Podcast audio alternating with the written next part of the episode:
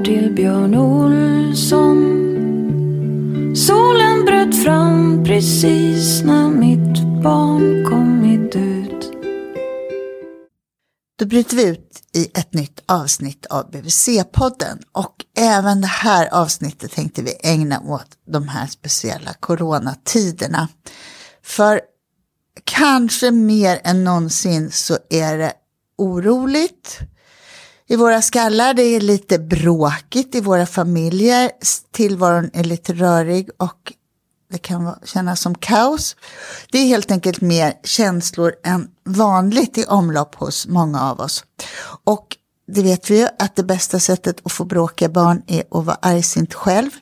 Så vi tänkte helt enkelt att vi nu skulle bjuda på en känsloskola här i podden. Och jag heter Malin Bergström och är barnhälsovårdspsykolog och den som bjuder oss på känsloskolan är Nina Thomsen och jag är också barnpsykolog både på barnhälsovårdsenheten men också i ett småbarnsteam på BUP. Och är det så att det här med att med känsloskola är något som du brukar jobba med Nina? Ja, det är det. Eh, på BUP träffar vi många barn och föräldrar som är i olika påfrestande situationer. Och en del i att hjälpa de här familjerna genom svåra situationer brukar vara att prata om känslor och göra det lite lättare att tänka kring och förstå vad vi känner. Och Men sortera. Det, finns mm. det en sån koppling mellan att jag förstår mig själv så, liksom hur reagerar jag nu, vad är det som rinner upp här? Hjälper det mig att hantera mina känslor menar du? Ja, det brukar hjälpa att uh, hantera, sortera och att reglera som vi psykologer eh, envist säger. Och då menar vi helt enkelt att justera volymen på känslorna. För den kan vara ganska hög utan att det behöver vara någonting som är så akut. Så du menar att om oron nu sätter fart inuti mig så behöver jag när jag ska reglera den där volymen då betyder det att jag till exempel inte agerar på oron eller att jag för att få ner den gör någon slags mindfulness eller vad jag nu ägnar mig åt för att Ja, att, att eh, titta lite runt omkring oss. Står det en björn framför dig så maximera, men gör det inte det. Så, eh, så, så kan du ta det lite lugnt i stunden, titta vart du befinner dig någonstans och förhålla dig till nuet också. Även om det kan vara viktig information i den här oron. Den, den, det är ju det känslor liksom är till för, att signalera information. Du, vad, ge mig lite känslogrund. Vad är, ja. vad är känslor, vad har vi dem för och vad är det jag ska känna igen och ha koll på som vuxen? Eh, jo, alltså inom psykologin så säger man eh, ofta att det finns nio så kallade grundaffekter säger man. De är liksom med från födseln. Eh, och då pratar man om här ilska och sorg och rädsla och skam och avsmak och avsky och glädje och nyfikenhet eller intresse och förvåning. Och som ni hörde där så var det flera negativa än positiva och det är för att de har överlevnadsvärde. De ska vara till för att, eh, till för att hålla oss vid liv helt enkelt. Eh, och med affekt, det här konstiga ordet, så menas det att det är en biologisk eller liksom en kroppslig process. Eh, som det kan liknas vid en instinkt. Eh, och olika då sådana här affekter triggas av olika situationer. Och då har de olika funktioner, till exempel ilska kan vara liksom till för att forcera ett hinder eller att, eh, att skydda sig mm, mot en fara. Men du, hur kan, den, hur kan den informationen, att jag tänker så att ilskan är en signal om att jag ska jag måste värna mig själv eller jag ska uh -huh. liksom slå tillbaka eller uh -huh. sådär reagera på något som är fel. Hur kan, det, hur kan jag omsätta det där till något som blir värdefullt mer än att jag bara känner till det?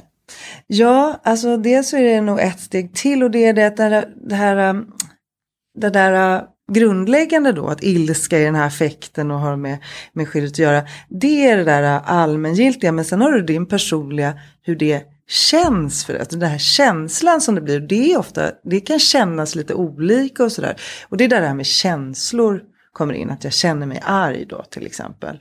Och det, när man lär känna sig själv lite i det så kan det vara bra för att till exempel om jag är arg över att jag tycker att jag fattar, jag får inga klara besked eh, gällande hur jag ska förhålla mig till den här situationen från myndigheterna.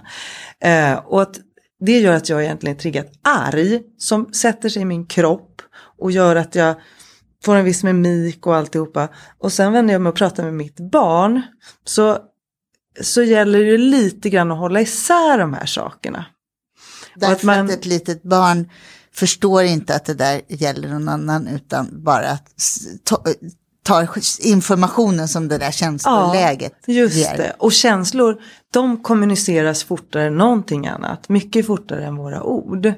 Eh, för att de har det här överlevnadsvärdet så är det snabbt liksom. Flocken ska uppfatta, med en gång vad du har uppfattat. Och det är därför barn är så bra på att läsa av. Ja, så de, de så signalerar du, tillåter du dig så att säga att stanna kvar i ett uppvarvat eh, aggressivt tillstånd. Då, då, då är det det du förmedlar. Så. Men du ligger inte de där, o- till exempel oro och ilska nära varandra. Eftersom det exempel Mm. du gav nu, att vi är så många som blir arga på myndigheter och Mm. ifrågasätter och man har egna idéer om hur, vad, vilka beslut som Ja. borde tas.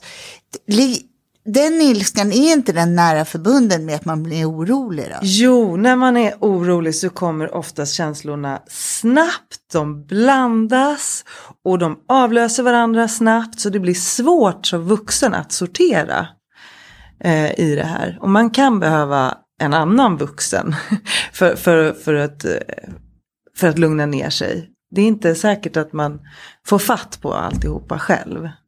Och då, då är det också så att tendensen att börja bråka mer med varandra hemma, eh, det hänger också ihop med att det där, det avlöser varandra och det enda man behöver är att få någon slags utlopp för det där kaoset som blir. Ja. Ja, precis. Så man behöver ju någonstans att ta vägen med de här känslorna. För de är inte valbara. Känslor är, och, och affekter, det är därför det är viktigt att förstå att det är de här biologiska processerna. För att inte bli sur på sig själv för att man blir arg. Eller för att man blir ledsen eller för att man blir rädd. Utan det sker automatiskt. Man väljer inte vad man känner. Men man väljer vad man gör när man känner någonting. När man väl får, får nys om att nu, nu händer det någonting med mig. Med min kropp och mitt humör här. Okej.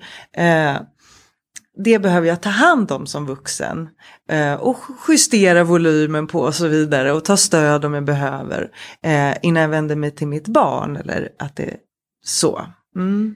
Du Nina, varför är det så svårt då? Om det blir en sån här storm inom en så kan ju jag till exempel som psykolog veta att jag skulle må bra av att ta en springtur eller att komma ut eller att eh, göra någonting som coolar ner mig lite grann så kommer jag se på saker på ett annat sätt eh, senare.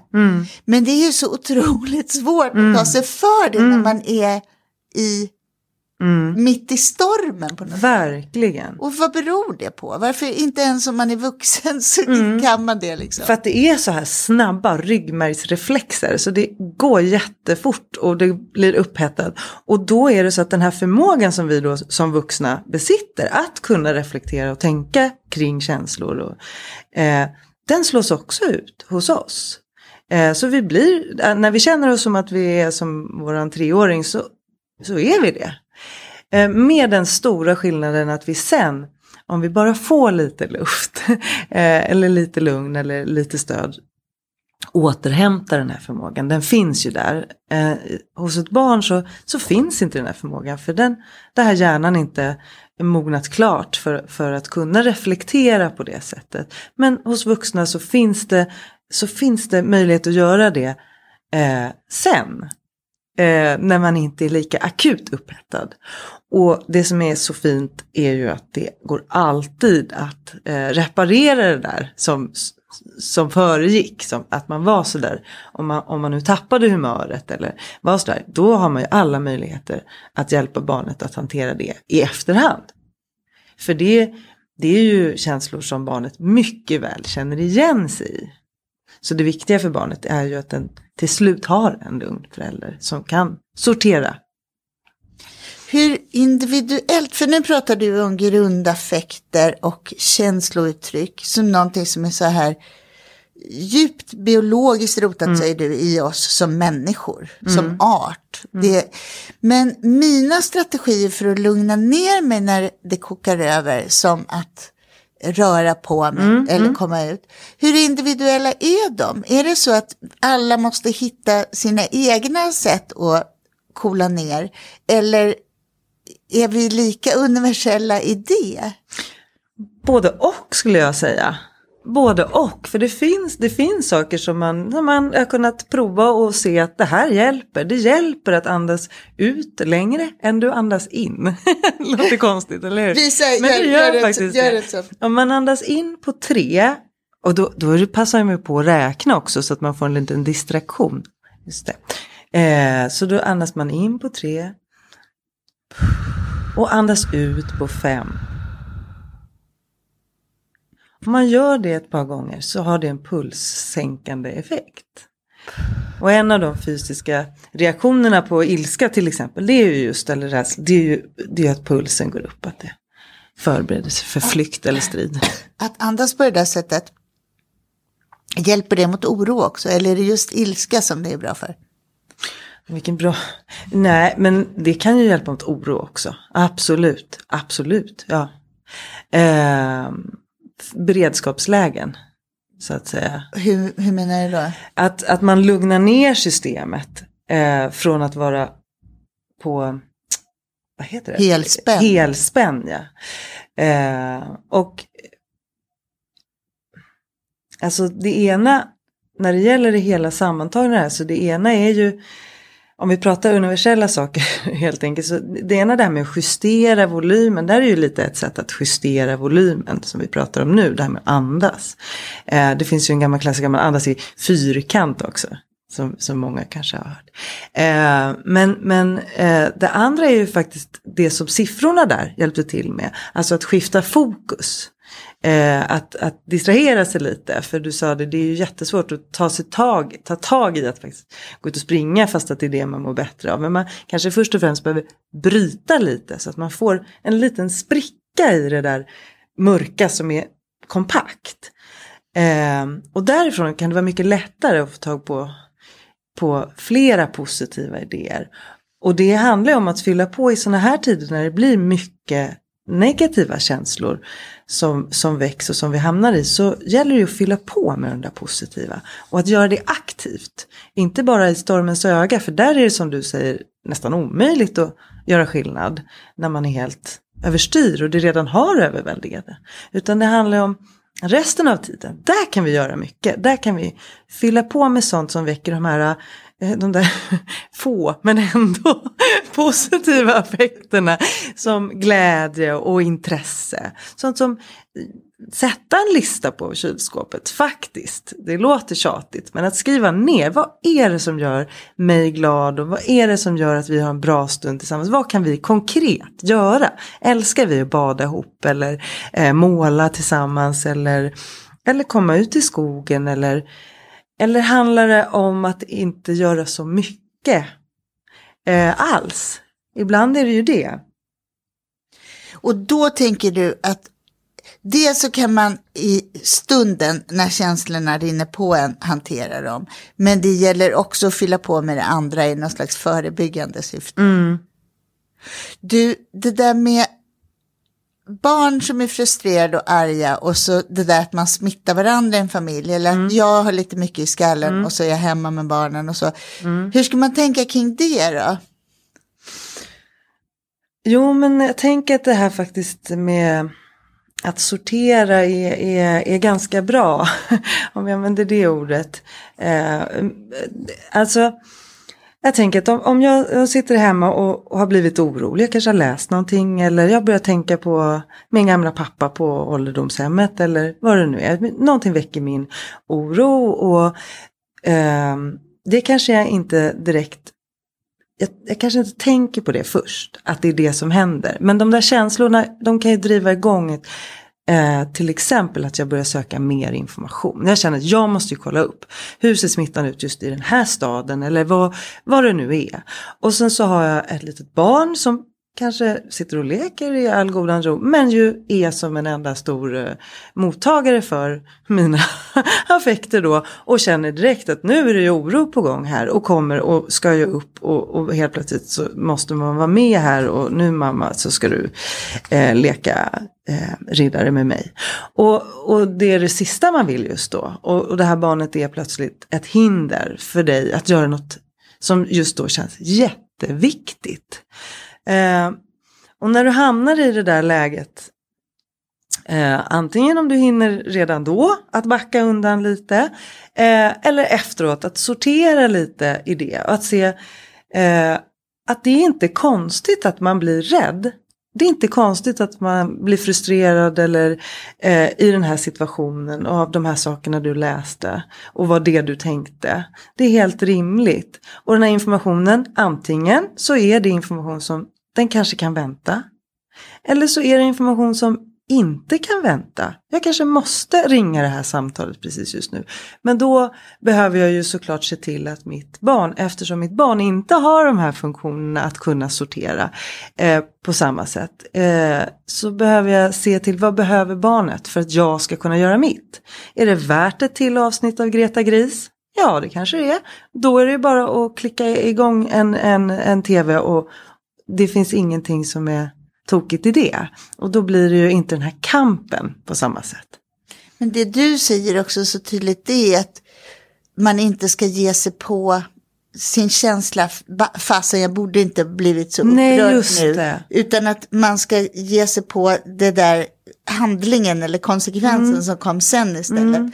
Och så tror jag det är ganska ovanligt att man tänker. Jag tror ofta att man klankar ner på sig själv mm. och ångrar sig mm. över det man kände och mm. ställer krav på sig själv att man borde ja, vara lite annorlunda. Precis, och det är ju därför det här med känsloskola eller att prata om känslor är så viktigt att just förstå att de inte är valbara. Där, det, det vill jag verkligen slå ett slag för. Att det är så viktigt att, att ge sig det utrymmet och att man känner det man känner. Eh, och, och, och vara, ha stor acceptans för det. Men sen att vi väljer vad vi gör i den mån vi förmår eh, i stunden och alltid efteråt. Hur mycket ska man prata med barn om känslor och vad man känner? För det där tror inte jag heller man är så benägen att göra därför att man vill inte belasta barnet med vuxensaker. Mm, just det. Men om man redan har tappat humöret då kan man ju säga att belastningen har redan skett. Ja, och det, eh, det är ju inte farligt. Det är ju inte farligt med känslor. Och de kommer och de går. Och det är ju väldigt, det är också viktigt att veta och kunna hålla sig i. Det är inte för evigt på något sätt. Även om det kan kännas så. Och eh, det är klart att, att grotta ner sig i varför man känner och komplexa sammanhang och så, det har ju kanske inte alls med barnet att göra eller hjälper inte barnet på något sätt. Men att sätta ord på vad det var som hände, vad det var för känsla som, eh, som mamma uttryckte i den där situationen. Eh, och att den inte egentligen var barnets eh, fel eller hade med barnet egentligen att göra utan att det var att mamma är orolig för morfar eller vad det nu är. För att eh, barn är ju också lite som svampar och tar på sig ansvar eftersom de, de upplever mycket att världen liksom cirkulerar kring dem. De har inte den distansen. Så det är väldigt lätt för, för barn att ta på sig skuld. Så det finns ju en vits för barnet. Men jag tror att särskilt oro är svår att prata med barn om. Mm. Därför att man vill bespara dem det. Man vill inte ja, man vill inte belasta dem. Och samtidigt så sa du förut att de ju känner av mm. jätteväl. De känner av och de känner till. Det är väldigt få barn som aldrig har blivit rädda. Eller hur? Och som dessutom, de allra flesta barn har ju delat den rädslan med sina föräldrar. Så ni har säkert en gemensam erfarenhet av barnets rädsla.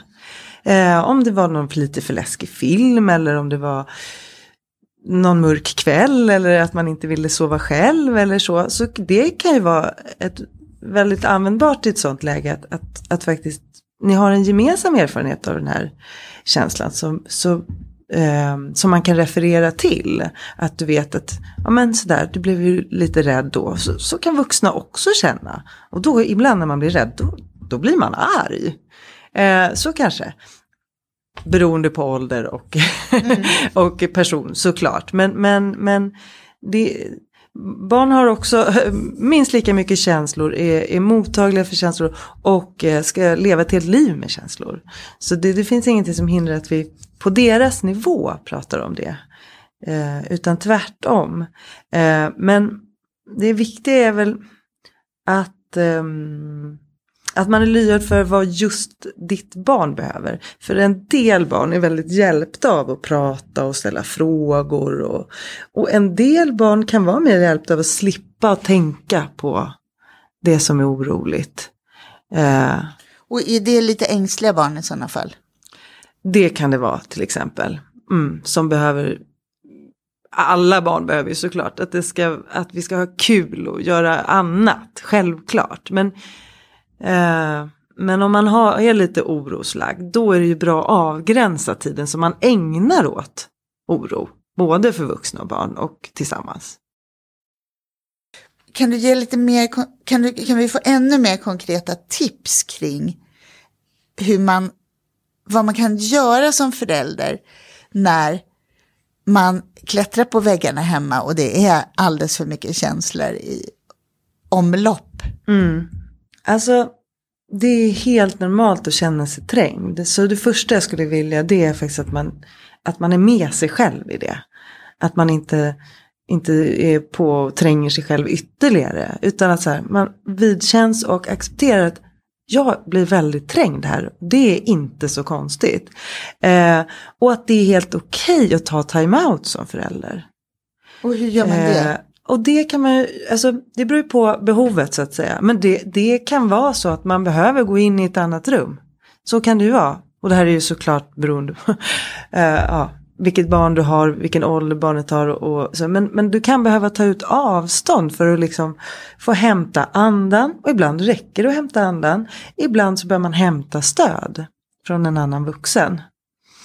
Uh, det kan handla om att sätta ord på för sig själv eller för någon annan om det behövs. För vad man är rädd för, vad man blir arg på, vad man är ledsen för.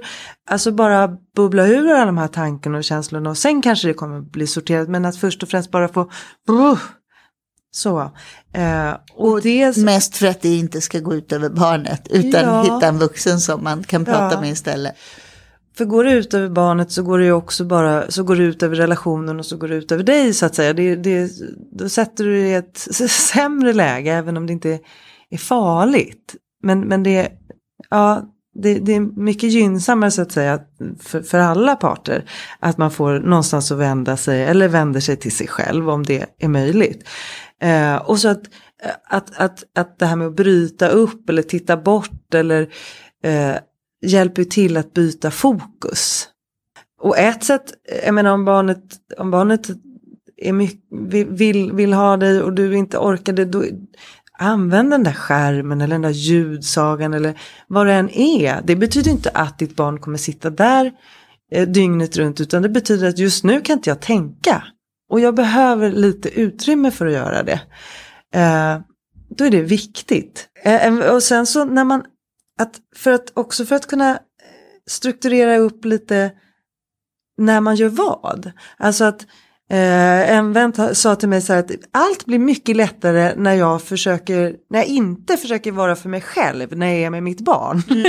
Det tror jag alla känner igen. Det är väldigt bra. För då helt plötsligt, va, det här wait, watch and wonder. Så att, att liksom bara följa med, sitta med och säga, nu är jag med mitt barn.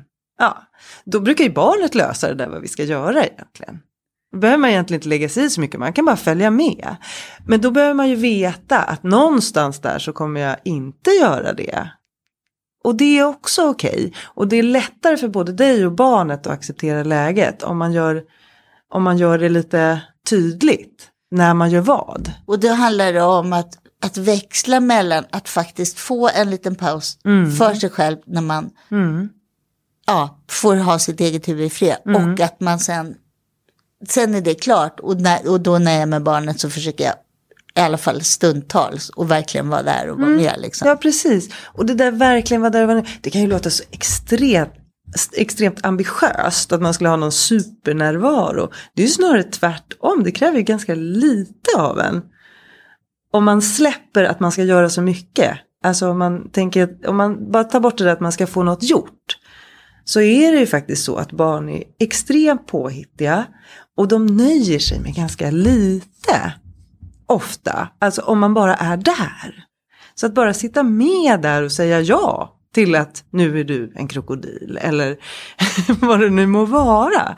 Eh, det, det räcker väldigt långt. Det behöver inte vara så stora åthävningar. Om nu ens är ett ord. men, men, men, men att, och har man då en annan vuxen som också kan vara med barnet när den kommer så är det ju jätteviktigt att man tar det utrymmet när det passar då. Att ja, nu tar jag utrymme för mig själv. Det tycker jag känns som ett jätteviktigt råd så här ja. i coronatider om man är hemma med sjuka barn. Att man får någon paus, ja. något andrum. Och om man inte har en annan vuxen som kommer då behöver man ju ta, ta det ändå. Man behöver hitta pauser ändå och då får man ta, då, då får man ta till det som krävs helt enkelt. Av, eh, av barnprogram och ljudsagor och badkarslera eller vad, vad det än må vara. Um, men sen är det väl också så att den här sociala distanseringen som vi har lärt oss mm. att det heter nu, är inte det också en påfrestning att mm. man blir isolerad? Verkligen. Och det är, är jätteviktigt att bryta den här isoleringen. Inte bryta den sociala distanseringen så som i det här utifrån smitta betraktad. Men att bryta den totala isoleringen. Alltså gå ut i skogen om man kan det och vink, vink, vinka till de andra som också har letat sig ut dit. Och kan man inte gå ut om man är sjuka, alltså som man behöver vara kvar in, bara öppna fönstret, hör hör både fåglar och röster och tunnelbanor eller vad det nu är ni har i närheten. Eller eh, lyssna på poddar och umgås digitalt.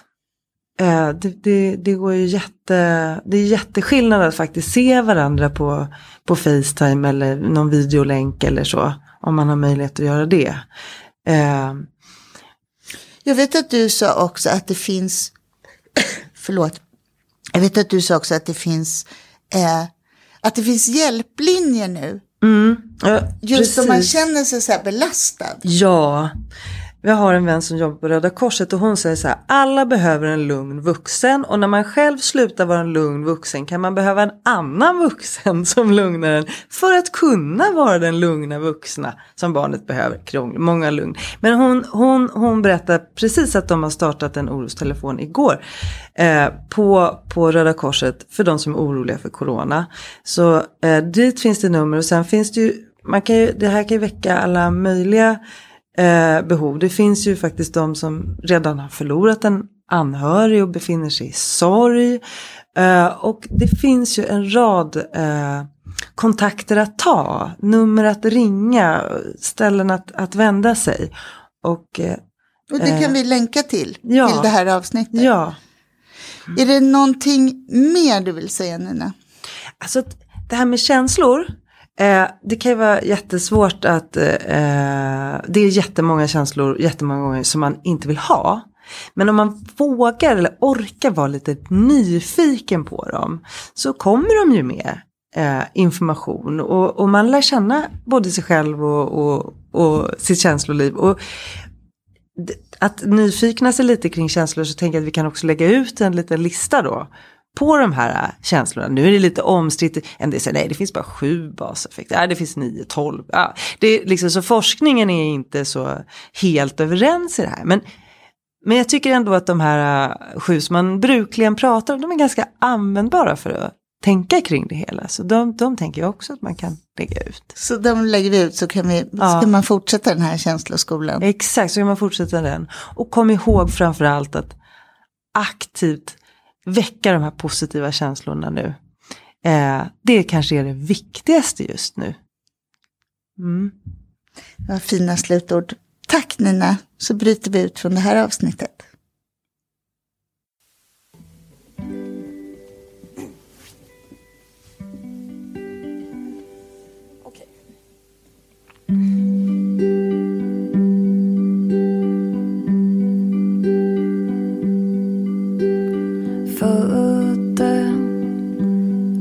barn till Björn Olsson. Solen bröt fram precis när mitt barn kommit ut. Låg i en pöl av svett och blod. Barnmorskan sa, jag såg din spelning på Luleå kultur. Fåglarna sjunga om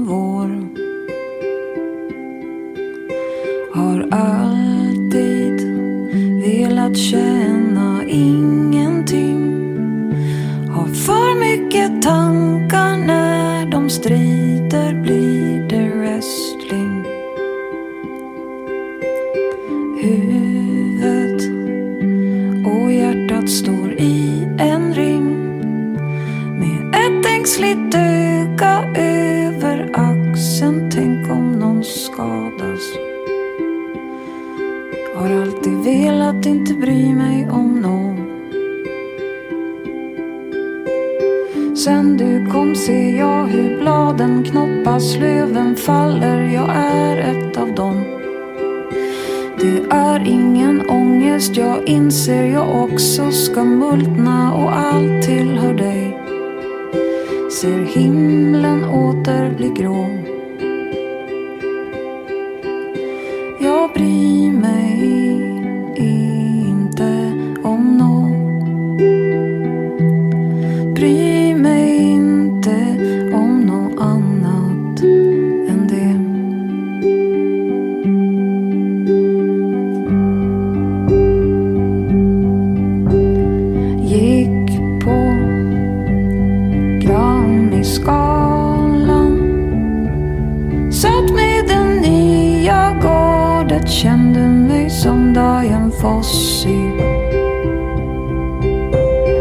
Hjärtan banka högre än trummorna Fulla tjejer fick pris För tio år sedan var det fulla killar Ibland händer det något ändå. När du kom sluta musik vara rangordning, vill sjunga tillsammans med dig. Din ropar du var, du var, det är allt och jag som spelar till. Och jag förstår musik